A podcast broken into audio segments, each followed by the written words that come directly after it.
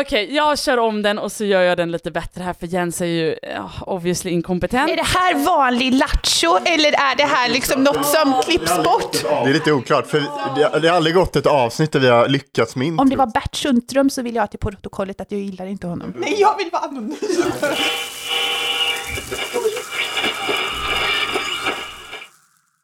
Okej! Avsnitt 37 av Roten till all ondska. Idag är vi grundtrion här, Jens Adamik, Simon Pålman och mig, och Sim- mig Simona. Men vi har en fin gäst med oss. Och inte bara för att Simon just nu håller på och äter gästens eh, medhavda eh, bullar och smaskar högt. Eh, eller för att gästen drack mitt jättestarka kaffe och led fastän gästen såg, man såg lidandet. Eller att Jens har sagt massa grejer han inte borde säga om gästens eh, liv. Med oss har vi oh, Maria Nilsson! Hej! Varmt välkommen. Tack så mycket! Det är väldigt intressant för att var, varje gäst vi har så, eh, så det är alltid finbesök. Alltid en fin gäst. Kommer vi någonsin ta in en gäst som, som inte är Som som finbesök? fin, Det må- måste slå väldigt hårt mot den gästen. Men jag håller helt med. Det är verkligen finbesök idag. Och eh, det ska bli jättekul för vi ska prata Ryssland bland annat. Ja? För det är ju, Ja. det är ju, du är ju något av en expert på det ämnet. Och vi kom ju in lite på det Det och Förra kanske podden. tomterätter. Vi får se om vi Precis. pratar tomterätter också. Precis. Eh, vi, vi snuddade i det förra avsnittet. Vi pratade lite Ryssland och konstaterade att vi sparar den diskussionen när vi har eh, experten med oss. Så att säga. Om vi säger vi konstaterar Men- att vi är alldeles för dåliga på de frågorna. innan, för de som inte känner till eh, Maria, vem, vem är hon? Eh, jag gissar att Simon inte vill ha den existentiella frågan. Nej men jag tar gärna den. Det, det är ändå, första kvarten är eh, filosof, eh, filosofikvarten, så Maria varsågod. Du bestämmer Vem själv. är Maria? Jag förstår, så första kvarten är filosofiska rummet, sen andra kvarten är konflikt och sen avslutar ni med... Att vi bara lämnar rummet Att det är ring i konflikten. Ring Ungefär så. Det, här, det här kommer gå jättebra. Det har vi förstått upplägget. Eh, jag är eh, riksdagsledamot för Liberalerna sedan 2018. Eh, jag har pluggat ryska och eh, ryskt samhälle och samhällsliv och jag har bott i Ukraina. Varför har du gjort det? Varför jag pluggade ryska? Eh, jag... Ni vet så här, första sommaren när man har eh, på universitetet så visste jag inte vad jag skulle göra på sommaren. Så då tänkte jag att jag skulle göra något världsförbättrande. Så då åkte jag till Ukraina och jobbade på ett läger för gatubarn. Och sen tyckte jag att barnen var jättegulliga, men Ukraina som postsovjetisk stat var fantastiskt intressant och då var jag precis i början på min utbildning. Så då eh, kunde jag välja så att jag kunde läsa mer ryska och mer om Ryssland. Gud vad jag trodde att du skulle säga fantastiskt horribelt. Jag tänkte det var intressanta ordval liksom men okej, och sen, men eh, okej, förutom det då, förutom att du jobbar dygnet runt eh, och följer vad som händer i Ryssland, vad gör du utöver det? Är det bakning eller vad, vad händer i Marias liv? Mm. Jag, nu läser jag en kurs i ryska på Försvarshögskolan Oh. för att eh, jag ska bli, eh, som är mer inriktad på, på försvars ryska, Okej. på tal om Lavrov. Ja, precis. Eh, och eh, sen så, eh, eh, ja, jag vet inte om jag gör sådär. Jag gillar faktiskt att baka. Mm. Jag gillar att gå här? i kyrkan. Är det du som har bakat de här? Nej. Nej. Och jag, och jag, och jag, har fått- jag har fått lära mig att man inte ska säga massa saker. Jag kan fylla i massa saker men jag har lärt mig att man inte ska göra. Eh, men vi, vi kan ju fylla i, alltså jag, jag tänker, vi börjar ju också alltid inleda lite så här, vad har hänt senaste dagen? Och ja, vi skämtar lite här om, om att du kanske ska prata om tomterätter, men det var ju för att vi, vi var på ett möte igår, eh, Maria, du är ju ordförande också för Liberalerna här i Göteborg. Grattis Mm. för återval kan man ju också säga. Eh, omval. Ny period. Men då var det ju st- stackars Maria som sitter där som är ordförande då för en styrelse som ska besvara motioner. Då var det någon motion om tomträtter. Eh, och Maria, plikttroget, sitter ju där och väntar på att eh, en styrelseledamot, en av våra kollegor, ska hoppa in och då försvara styrelsens gällande tomträtter. Men det sker inte. Eh, och då tänker Maria, why not? Jag kan prata tomträtter. Och det, ja, det, det var ett mycket intressant eh, Har du fått en nytändning när det gäller tomträtter? Är det något du vill veta mer om? Jag kan ärligt säga att jag aldrig velat veta så lite om tomträtter som efter igår. Så alltså? Men jag tänker att du skulle Ja. springa till Johan Persson och kräva att du ska byta utskott. Så att du får liksom eh, de här Jag frågorna vill på ditt bli bord. tomträttstalesperson. Tomträtter i allmänhet och ryska tomträtter i synnerhet. Ja. Vem annars liksom? Ja, det är säkert om du säger det så så blir hon intresserad. Finns det någon, om någon vet en kurs om ryska tomträtter så får man gärna meddela oss sen så ska vi försöka förmedla det till Maria. Ja. För det känns ju som någonting hon skulle kunna nappa på. Verkligen, för det känns som att du läser de här spetskurserna och, och så är det liksom en rysk bakgrund, liksom försvarsryska liksom. Mm. Och då är det ryska tomträtter. Ett naturligt nästa steg skulle jag vilja hävda. Något annat som skedde är ju, eh, som vi kan säga, grattis till podden som fick en utmärkelse, eller egentligen fick Jens en utmärkelse, men, men vi kan ta åt oss podden. Nämndes ens Vad podden? hände här? Simona hijackar Jens pris som hon dessutom fick ett eget av förra året. Om det är någon som ska det vara synd om här så är det ju Simon. Men Jens Men, eh, fick ett pris. det- Ni, ni alltså delar ut det här priset eh, var, roten. en varje år i, vet du, det, någon, i den här podden. Så att Simon, ja, det står på tur alltså. Ja, men det, Simon behöver utmärka sig lite extra nästa år. Ja, jag får göra det. Jag får göra det för poddens Så du skull. får nu med ta varje intro så att du verkligen utmärker dig. Jo men Jens, grattis! Du fick ändå Karin Kardells eh, stipendie. Ja. t- Ja, Ja. det kan du få klippa det där försök till. Men du försökte komma ihåg för, att det var För din eh, stora och ihärdiga kamp för digitalisering. Ja, precis. Mm. Och digital eh, kommunikation Mm. är det väl. Och det har det fan gjort mycket för, måste jag säga. Ja. Jag kommer ihåg innan, jag kommer ihåg när vi började, det här inför valet Ja, 2018. Maria var ju också med då. Kommer ni ihåg när vi Mm. hade När livestreams vi och stod det. där drack ute. bubbel, Ja. förlåt, det. alkoholfritt bubbel Jag kommer ihåg det. utanför badstugan. Ja, det var väldigt roligt. Men då hade vi i princip inget sånt här i Göteborg va? Alltså, Så vänta Nej. lite, är det här en reunion egentligen? det kanske är. What? Det var natten innan valet. eh, Eller ja, val, va, natten till valdagen. Just det. Senaste valet. Men sen dess har det ju verkligen steppats upp i Liberalerna i Göteborg och Västsverige egentligen på grund av Jens. Du har ju gjort den, den största bidragande faktorn till det skulle jag hävda. Mm. Och, men, Verkligen. men framförallt så är det roligt att eh, Stockholm är lite stressade. För efter att Johan var här så ringde han och frågade vad för utrustning behöver vi? För vi, måste också börja sända. göra någonting. Ja, det är bra. Det är bra. Ja. Men eh, Men- förutom det, vad ska vi fylla i? Vad vet vi om Maria som vi tycker att lyssnarna ska veta? Hon är en djurrättsaktivist som vi Ja. märkte precis innan. Hon har Eh. aldrig varit på en dagsfylla, kommer jag ihåg att hon har berättat för mig. är- Ja, Eh, och var väldigt frågande kring vad det där fenomenet är när det nämndes för några år sedan. ja. Vi ska inte gå in mer på Det det. känns som att det är Men- det enda man behöver veta om Maria. Hon. Hon gjorde allt utom en dagsfylla. ja, exakt. Ja, nej men det är bra att, våra, att det är ordning och reda på våra politiker.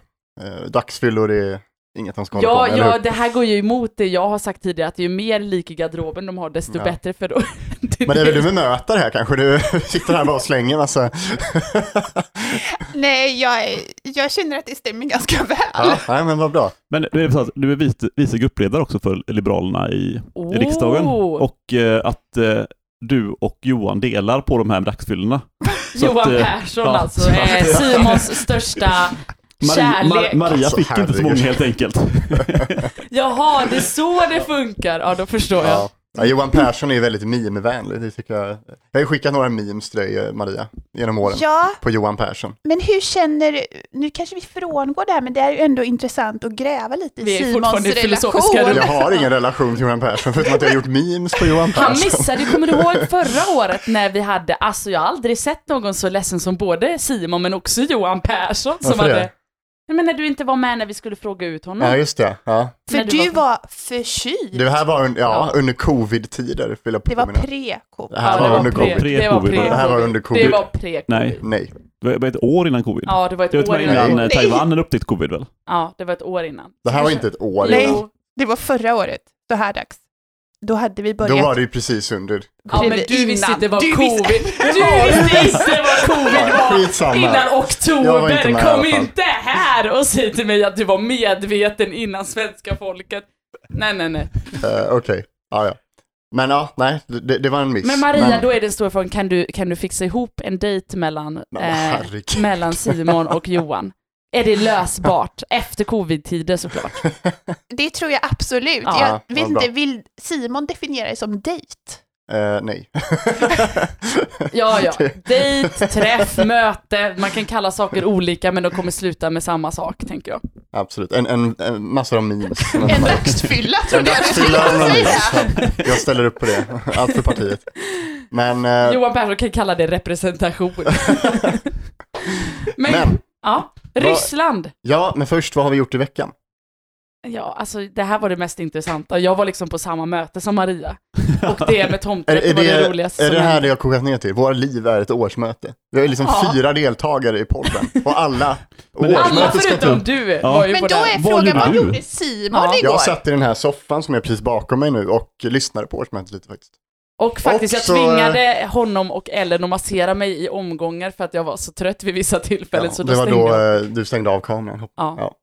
Och eh, annars, nej. Men okej, jag kan ju När dela hopp- med mig av när det du- när du, pinsammaste när du hoppade in och sa på fel punkt, var det för Ja! att Simon satt och masserade dig? Alltså jag har aldrig skämts så mycket i mitt liv. Jag, jag sitter alltså framför min dator men har stängt av bilden för jag är trött. Klockan är kanske, alltså vi har hållit på i sex timmar.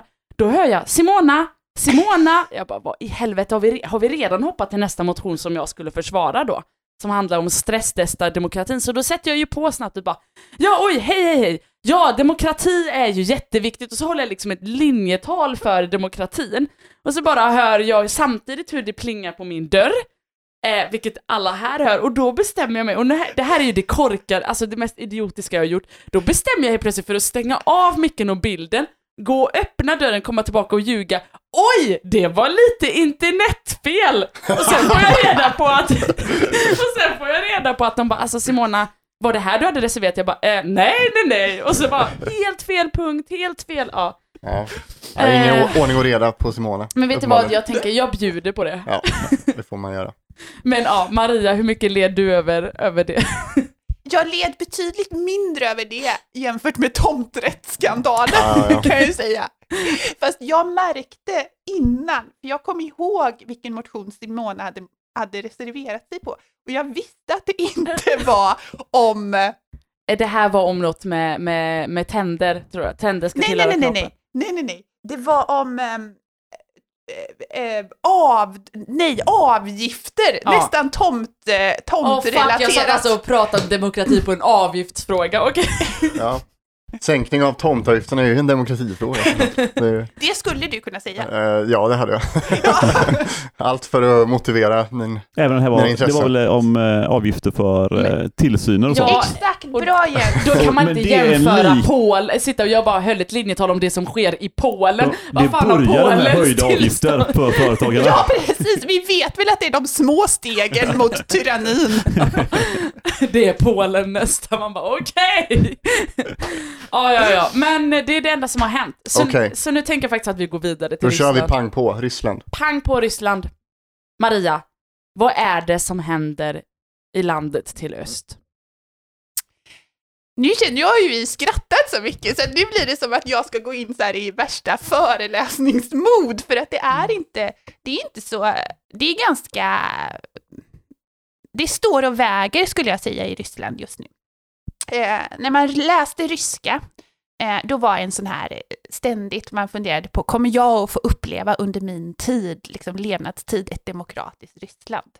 Det var en sån här eh, grej som man lite så här pratade om. Eh, och nu står det eh, lite grann och väger. Vart är Ryssland på väg? Och det har att göra med några saker. Eh, dels naturligtvis läng- ja, tioårsperspektiv, kriget i Georgien, ehm, annekteringen av Krim, östra Ukraina, Syrien, Libanon, alltså ett, eh, Libyen, alltså ett chauvinistiskt ryskt expansivt liksom, utrikespolitik som handlar om att, att visa sig eh, starkt Mm. eh, internt i Ryssland. Och samtidigt då har ekonomiska sanktioner inneburit att ekonomin är satt under otrolig press på ett sätt som den inte har varit tidigare. Okay. Samtidigt så är det ryska samhället också mer repressivt om man tittar på hur man behandlar eh, oppositionella, och det behöver inte vara politiska oppositionella, det kan handla om journalister eller eh, civila samhället och så vidare. Men så har vi också någonting som, som nu som har hänt. Och vad har hänt? Det är ju lite grann att, att ryska, ryssar har, har vågat sig ut på gator och torg Mm. i en, en dimension, i en storlek som man inte har sett på flera år. Och kanske varför tror du- 10-15 år. Varför är det så?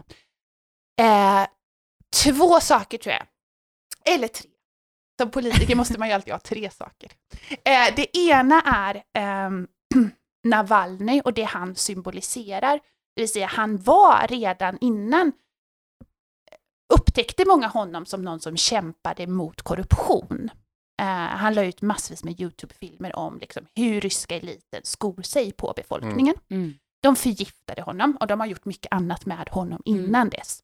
Ehm, han eh, flögs till Berlin, eh, stannade där i sex månader ungefär för att eh, rehabiliteras och så vidare. Och sen återvänder han tillsammans med sin fru då, Julia Navalny. Och de vet när de sätter sig på det flygplanet att han kom, de kommer att ta honom precis vid gränsen. Och det gör de. Och det här blir ju genom sociala medier, vet ju alla det här. Och de ser det mod som han representerar. Samtidigt, precis ungefär när han sätter flyget landar, så har han publicerat en, ytterligare en YouTube-film. Och den handlar om ett privat slott till Putin. Just det, jag har sett den här. Är det, be- vad heter det, poolslottet? Alltså där det är massa, ja förlåt. Ja, Ja. fortsätt. Det, är- och ja, och Ja. det är liksom... Och han visar hur det här är kopplat till Putin och det är liksom en sån Novorich, så det är, ja, vi anar inte Mm. liksom, det är så, det är så tacky. Ja, det är största komplexet eh, jag har sett tror jag. Ett slott vore ett un, en underdrift liksom. Ja. Eh, för, ja. Och då, det här ser ju eh, alla ryssar, över en miljon människor har sett den här filmen. Mm. Inte bara i Ryssland naturligtvis, men och korruption sticker i ögonen. Och de två sakerna kombinerat, i kombination med ekonomiska problem för landet, sänkta pensioner, alltså ett tryck, Mm. tror jag har gjort att människor liksom har fått nog. Så det är liksom av, men vad, okej, men vad är det, för att komma liksom så här, vad är det man på riktigt slåss för då? Är det att Putin ska bort? Eh, eller är det att man ska göra om, handlar det om policy, liksom handlar det om ekonomisk fördelning? Eller vad, vad, är det, vad är det man vill och kanske finns det olika vad Navalny vill och vad de andra vill, liksom befolkningen som står bakom honom? Jag tror att man, det är inte så sofistikerat skulle jag säga, utan den här proteströrelsen handlar väldigt mycket om att, att Putin är en tjuv, korruption. Att eh, det är en elit, och det har man vetat hela tiden, som liksom skor sig på människor. Och det har blivit så tydligt nu. Det är bra att, eh, att folk vill ha bort Putin.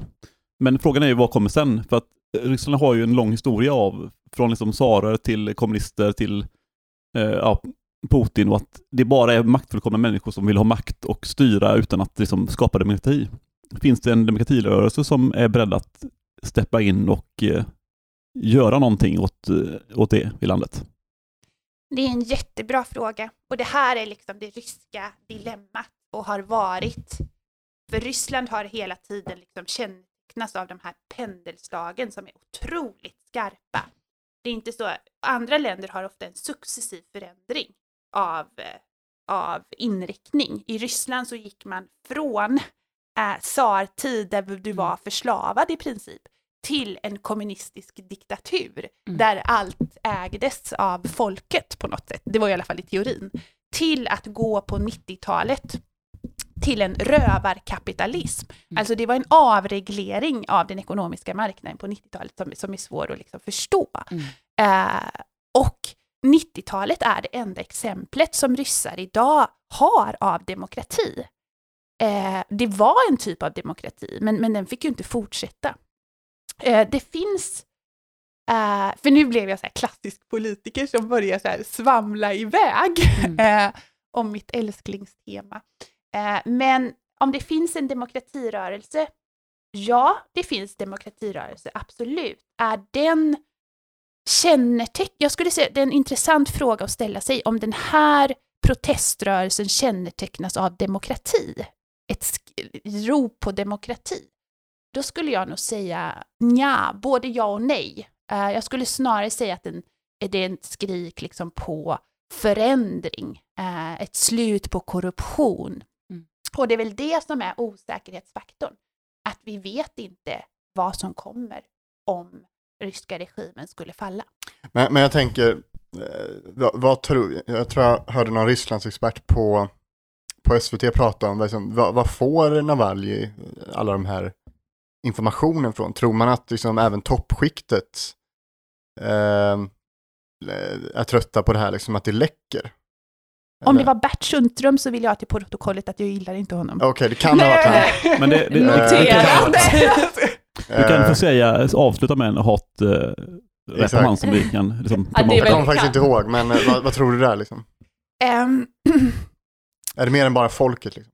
jag tror att det finns sådana teorier och det finns teo- till och med teorier om att Navalny skulle vara liksom lite köpt av en rik oligark som göder liksom han med, med information. Mm. Ehm, jag tror absolut att det finns, jag tror inte att han skulle kunna göra den här typen av video om inte, eller YouTube-filmer om inte människor i en ganska hög position läckte information. Och varför läcker de?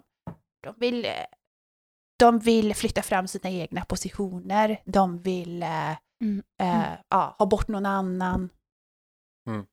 Men gör det, för det här tycker jag är väldigt intressant alltid när man tittar på sådana här, jag skulle ändå säga det, revolutioner, även, ja, man kan välja andra ord, men olika rörelser, är ju att se hur, hur väl förankrad den är i olika samhällsdelar och det du beskriver just nu låter ju som att det är en, en underklass eller en arbetarklass som är förbannad på, på politiker liksom som, som tar sig, som inte är där för, för att faktiskt stödja dem. Är det, är det så den rörelsen ska ses eller, eller startade det av unga i universitetet eller liksom var, var kan man säga att den här rörelsen eller det här liksom um, det här börjar, liksom, tänker jag. Mm. Det är också en bra fråga. Jag, jag skulle inte säga att det är ren arbetarklass, men vad som var skillnaden då för en månad sedan när de Mm. här stora demonstrationerna, det var att de var inte bara i Moskva och i Sankt Petersburg, utan de var på 121 andra orter i Ryssland. Och det är liksom signifikant, för att tidigare har det varit en urban medelklass intellektuell som har lite kostat på sig det här. Vi är liksom, ja. Sen har man inte vågat, velat, tyckt att, att det har varit varit värt priset att gå ut på gator och torg. Eh, men nu var det liksom, det var en kombination av just den här urbana liksom, medelklassen med många unga som var så här, varför ska vi leva i det här? Korruptionen, omoderna landet, gubbe Mm. som är 70 år som har suttit i 20 år. Ehm, I kombination med eh, mormodern som var trött liksom på, på att, man inte, att man har så låg pension fast man har jobbat hela livet. Mm. Så det är en koalition av krafter skulle jag säga som, som, eh, som den här eh, proteströrelsen består av. Kan du berätta hur proteströrelsen har mötts? För jag tänker att det, även om det har rapporterats en del i svenska medier så är det fortfarande, eh, så kanske jag tänker att många inte har, har nåtts av vad är det som faktiskt har hänt när, när människor har varit ute och protesterat. De har ju varit, de har ju bemötts eh, väldigt repressivt, det vill säga man har poliser, det finns ju enormt mycket poliser i Ryssland och det finns också en speciell typ av poliser som heter AMON och det är special inrikestrupper eh, som är väldigt, eh, använder väldigt repressiva sätt. Eh, och eh, det vet man någonstans i Ryssland och det finns väl en hänsynslöshet som inte finns i Sverige av att, eh, ja inte i Sverige, det menar jag inte, men det finns en hänsynslöshet i den ryska poliskåren att, och en brutalisering av att man, man kan slå ner en, en äldre kvinna eller man kan ta ett barn till arresten. Eh, det, shit happens liksom. Mm. No tak skulle man ha sagt på ryska. Och det betyder? Ja, det var det som hände. Ja. Mm. Mm. Men vad ska man, eh, hj- hjälp, eller först ska jag fråga, går det att förändra, hur pass demokratiskt är Ryssland idag? Hur pass mycket går det att förändra liksom, genom, eh, Genom de demokratiska, exakt, genom demokratiska vägar? Hur korrupt är valsystemet?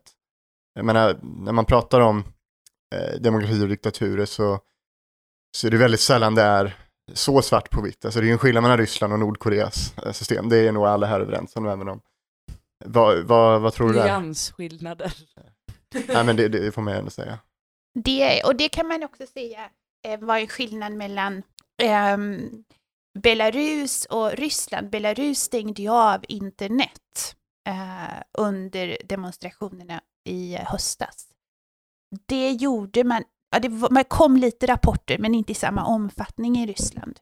Ryssland är en auktoritär stat eh, men det finns fortfarande luckor av, av frihet, friheter som ett hyfsat fritt internet eh, och så vidare. Eh, så det, det, det finns liksom luckor i det här repressiva samhället. Och hur mycket skulle du säga att, alltså går det att förändra in, inom systemet? Går det att rösta bort Putin? Liksom? Nej. Nej. Nej, det går inte att rösta bort Putin. Inte, systemet är riggat. Mm. Det finns ingen rule of law. För även om du har ett, ett fritt, hyfsat fritt internet, du har luck, fickor i samhället, så är eh, domstolsväsendet eh, politiserat. Eh, hela valsystemet är politiserat. Eh, så att det går inte att rösta bort Putin. Vad Navalny har gjort de sista åren och hans rörelse, de har introducerat något som heter smart voting.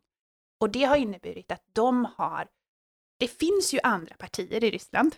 Eh, det finns liksom en pseudo-opposition eh, Mm. i olika hög grad på olika ställen.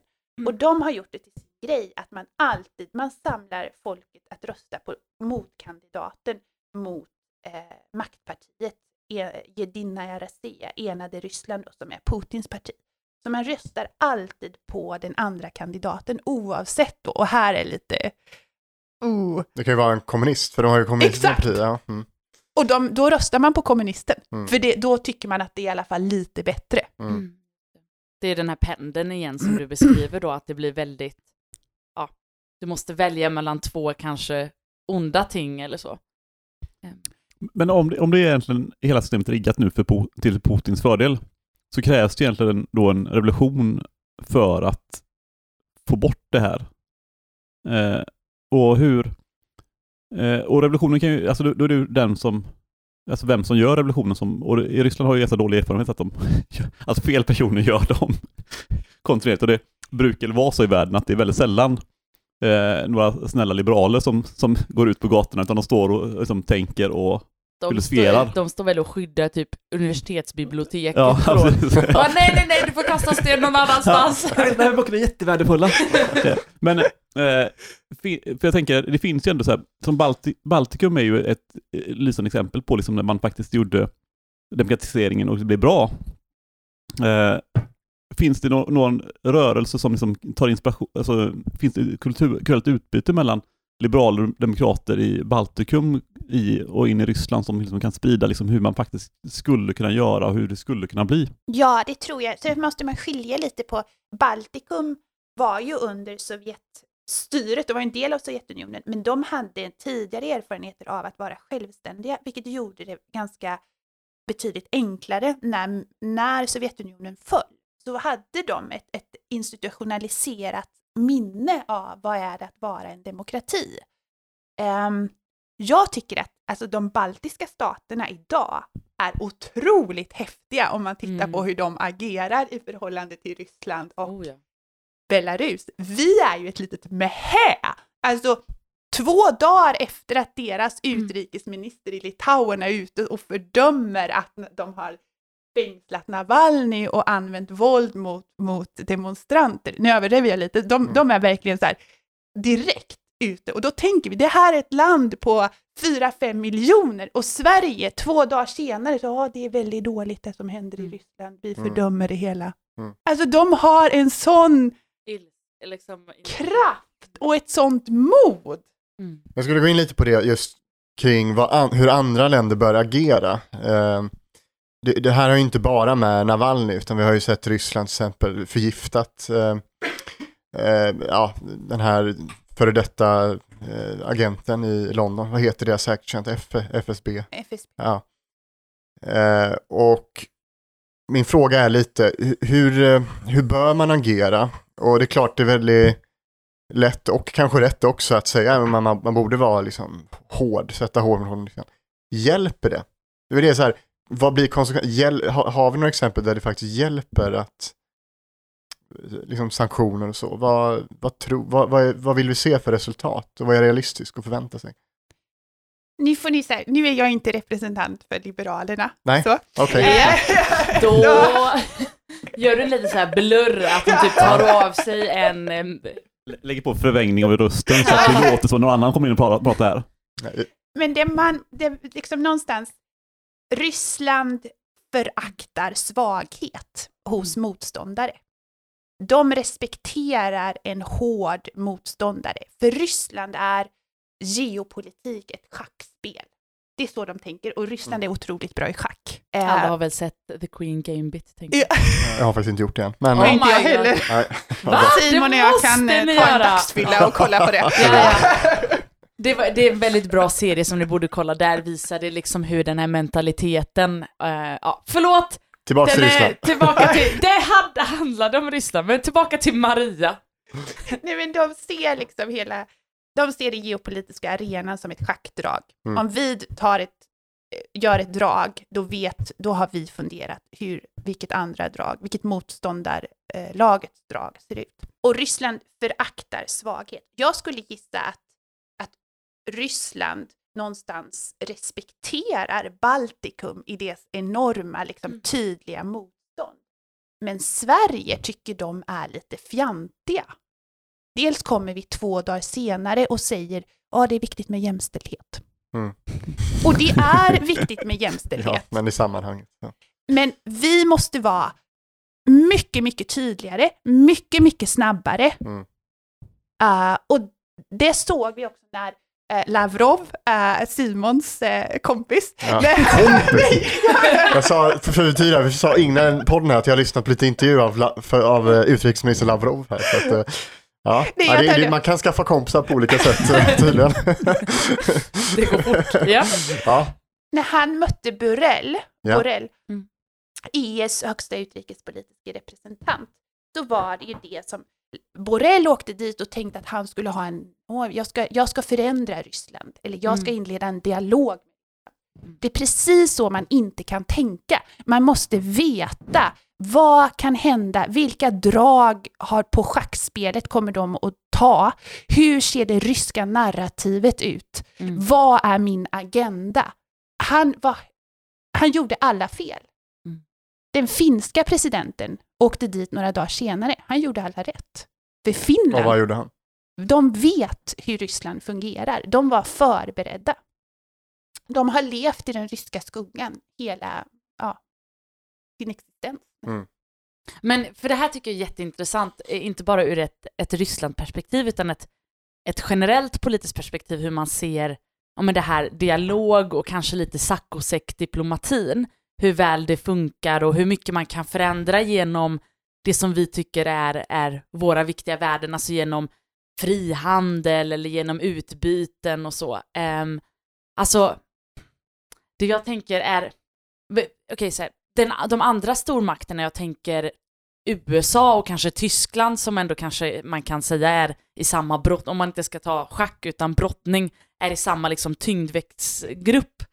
Alltså hur väl lyckas de? Alltså okej, vi fattar att lilla Sverige är sketnödigt jätterädda hela tiden, men det har vi alltid varit historiskt. Det finns ju såhär, någon får gärna, dessutom. Nej men alltså såhär, någon får gärna ringa in och säga till mig att i den här punkten i historien så gjorde Sverige, var Sverige liksom Hulken, men det kommer aldrig existera.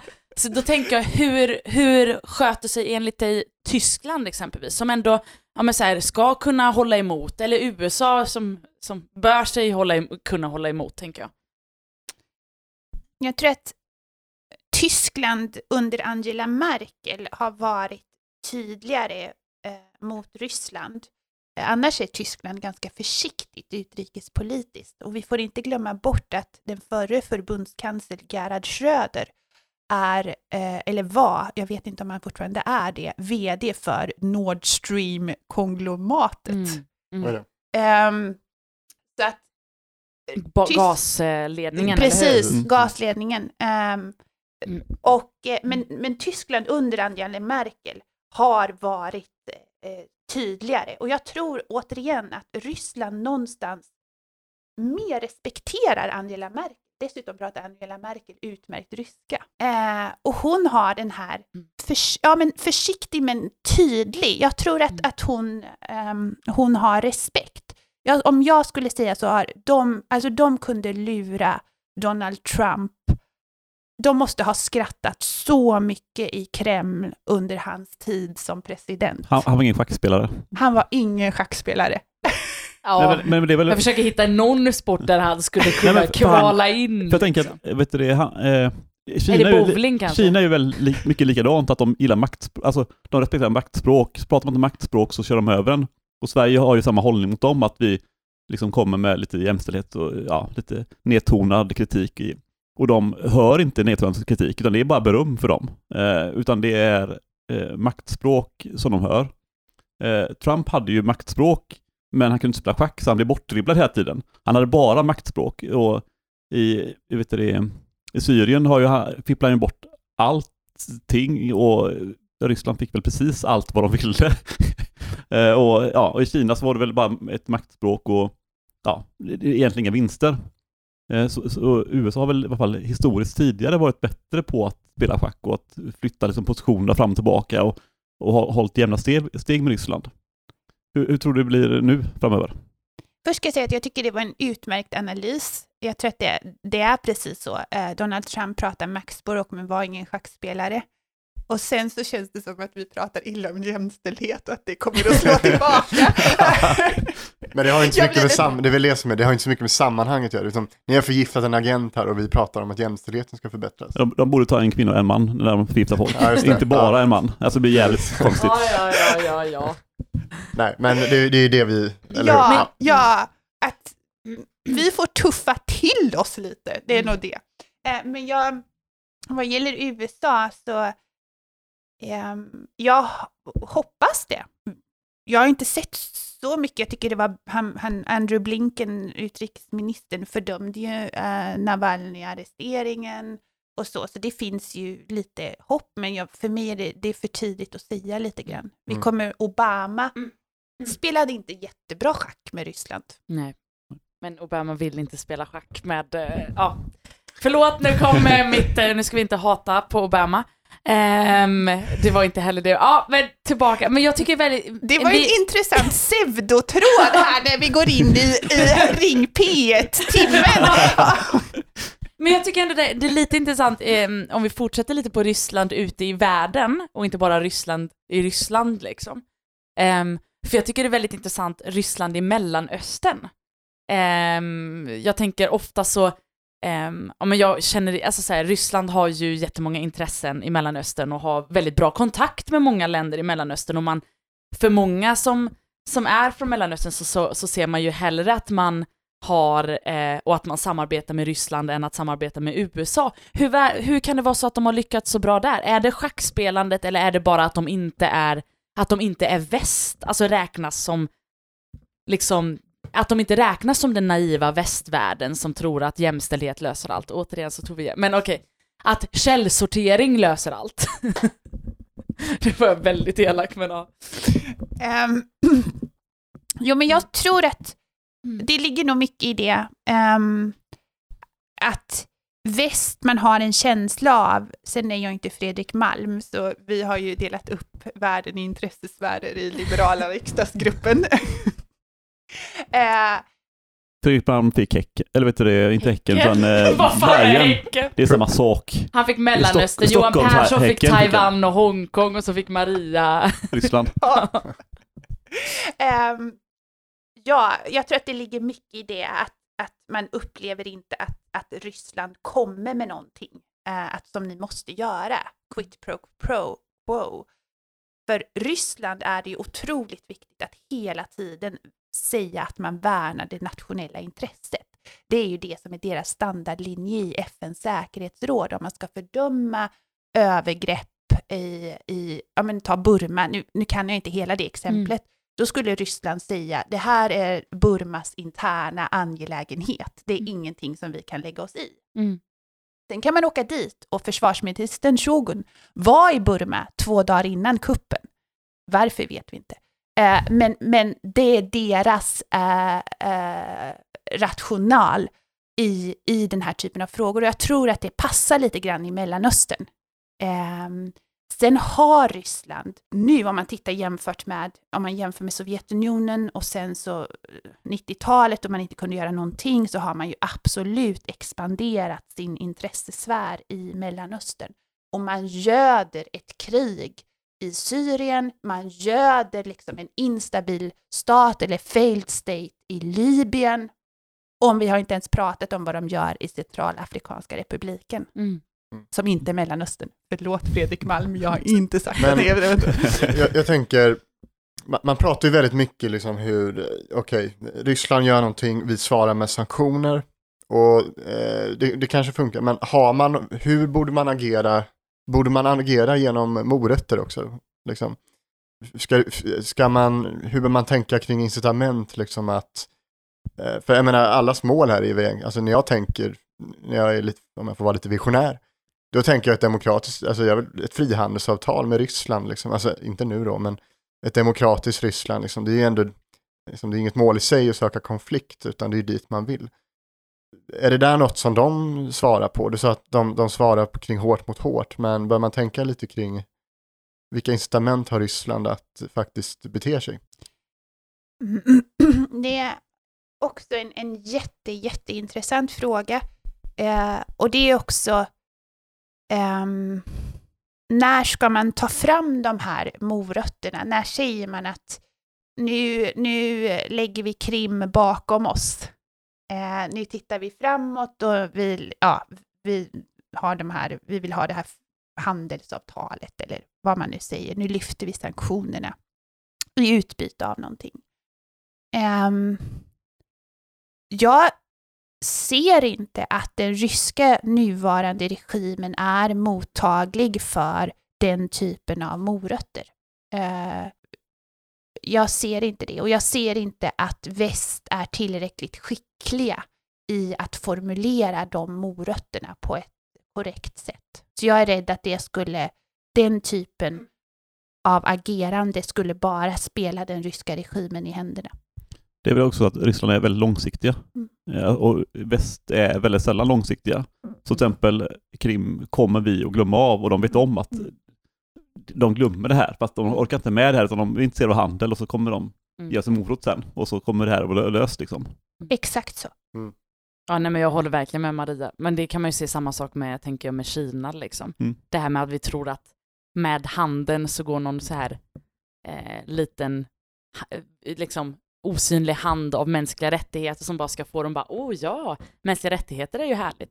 Inte riktigt så det funkar, med stor sannolikhet. Eh, det har inte funkat än i alla fall, men men. Nej. Men vi, en sak som jag lite vill komma tillbaka till, för jag tänker, många av de som lyssnar kanske är ändå så här intresserade av, av att ja, men stödja det som sker, kanske liksom få fler av, i sin omgivning att förstå vad som sker i Ryssland. Alltså, eh, Navalny, är han en liberal eller så här, vad, vad, så här, om man är liberal, är det Navalny man ska heja på? Ja, jag tror Mm, att... bara, ja. Tystnaden.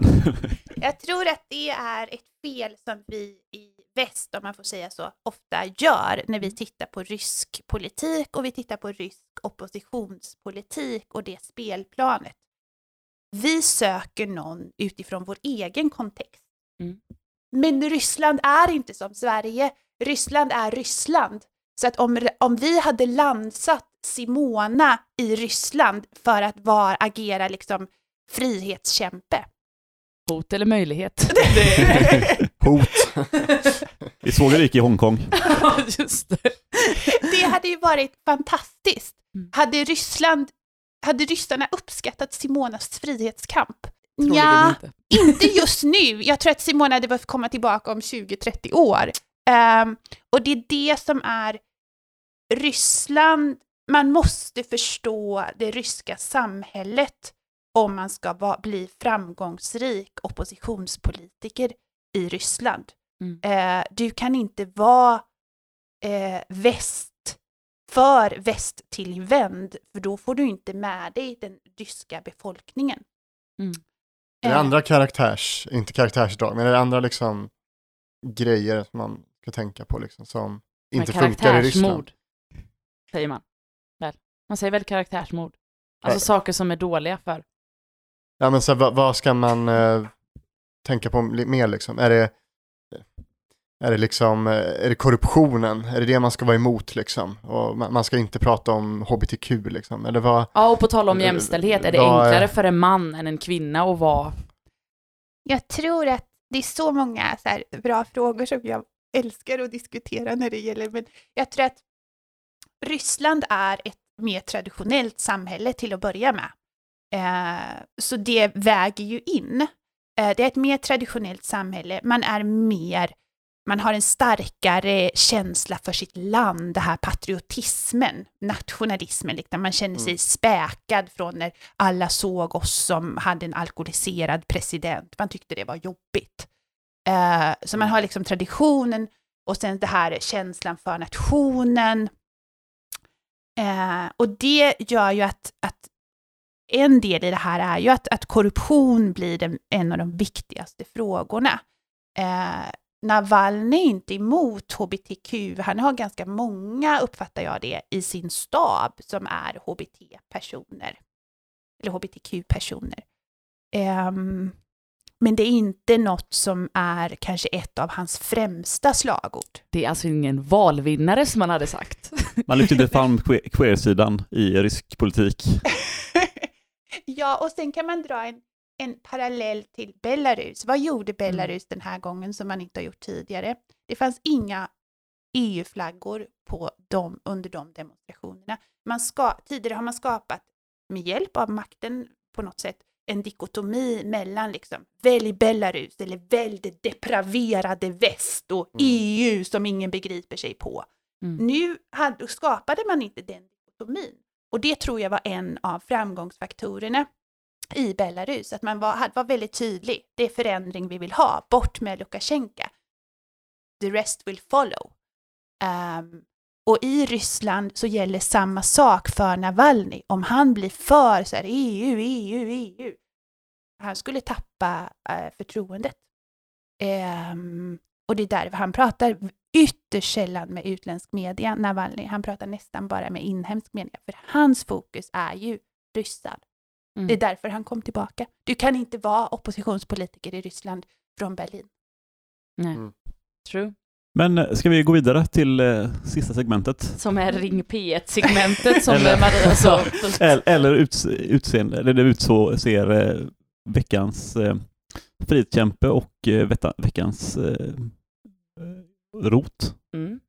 Det ska Om- bli intressant att veta då om Navalny kvalar in här på, ja inte rot hoppas jag i alla fall, men eh, det är något tittar du på mig som att jag skulle... Jag tror att det var du som protesterade, nej det var Jens som protesterade mot det sist. Ja, Nej, men- Jens hade ett nej, men, lång ja, harang Ja, men det, om, det, det var. Det, det var om att vi är korkade, det var ungefär det som var Nej, det var, det var, det var Det egentligen... brukar vara det när man är med livestreamar med Jens. det, Nej men eh, det, det var egentligen det här att, att ska man lyfta upp någon som frihetskämpe så tycker jag det är väldigt svårt i Ryssland för att det jag ser som frihet, jag ser inte riktigt den grupperingen eller den starka strömningen i landet.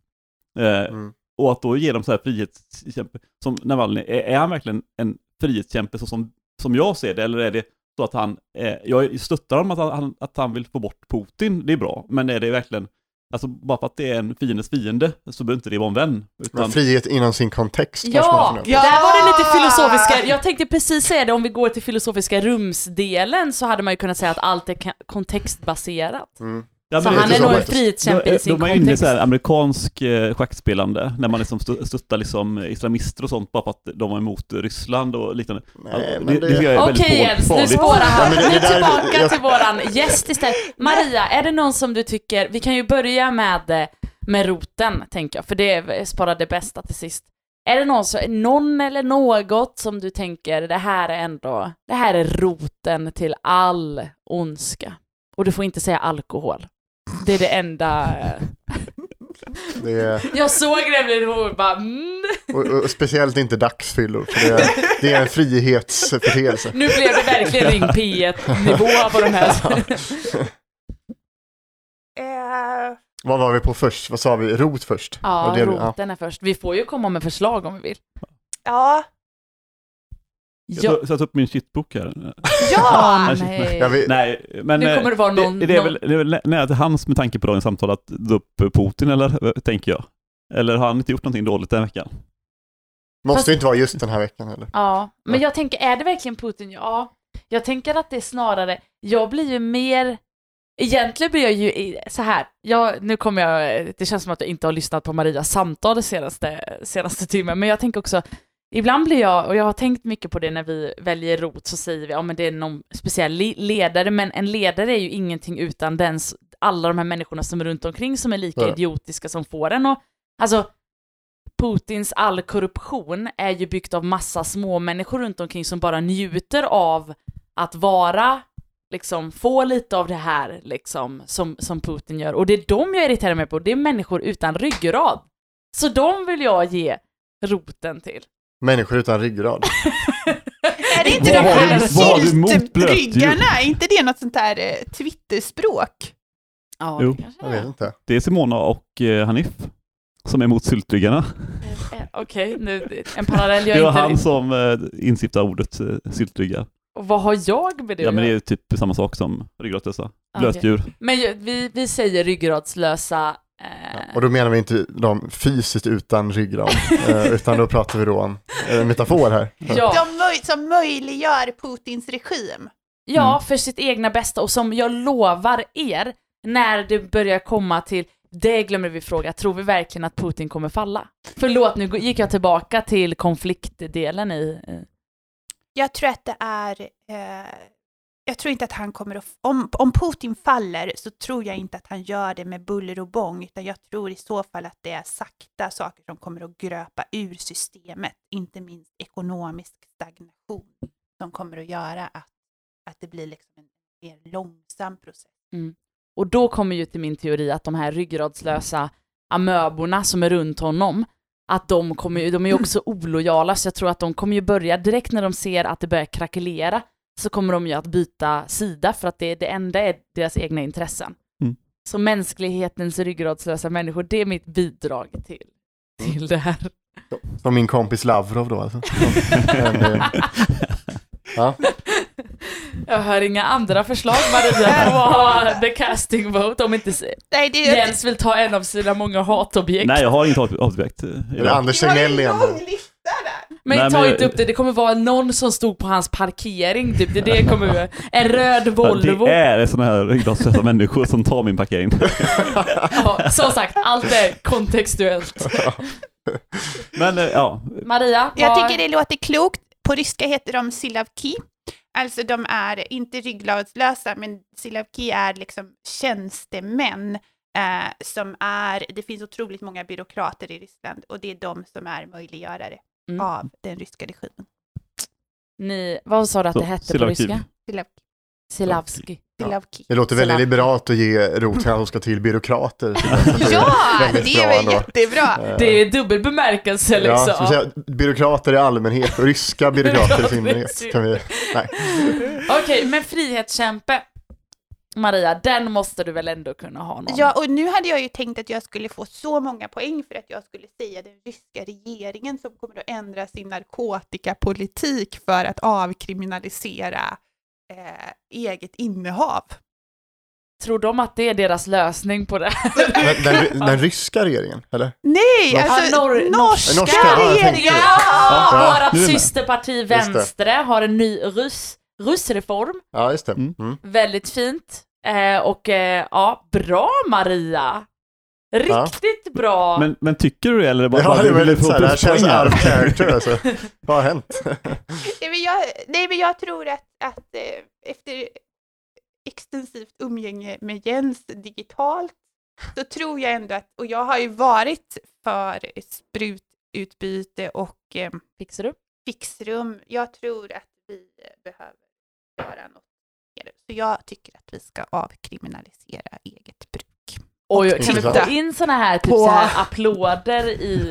Och Ja. jag har pratat med eh, Linnea, eh, ja, om att eh, vi borde titta, liksom, eller om att skriva om det ryska, Mm. eller norska Ja, jag tänkte jag bara- vi sa det ryska. Ja, du sa det, det var därför jag bara Det såhär... var alla var såhär, Jag tyckte det var va? så- Vad har ryssarna gjort? Jag tyckte det blev så det, intressant twist att de mitt i liksom pågående kris bestämmer sig för att vi behöver göra någonting för the popular vote Ja. liksom och då ska Det vi är Magna Lavrov som har avkriminalisera gått in där liksom. Och, helt rätt om ryska, ryska regering.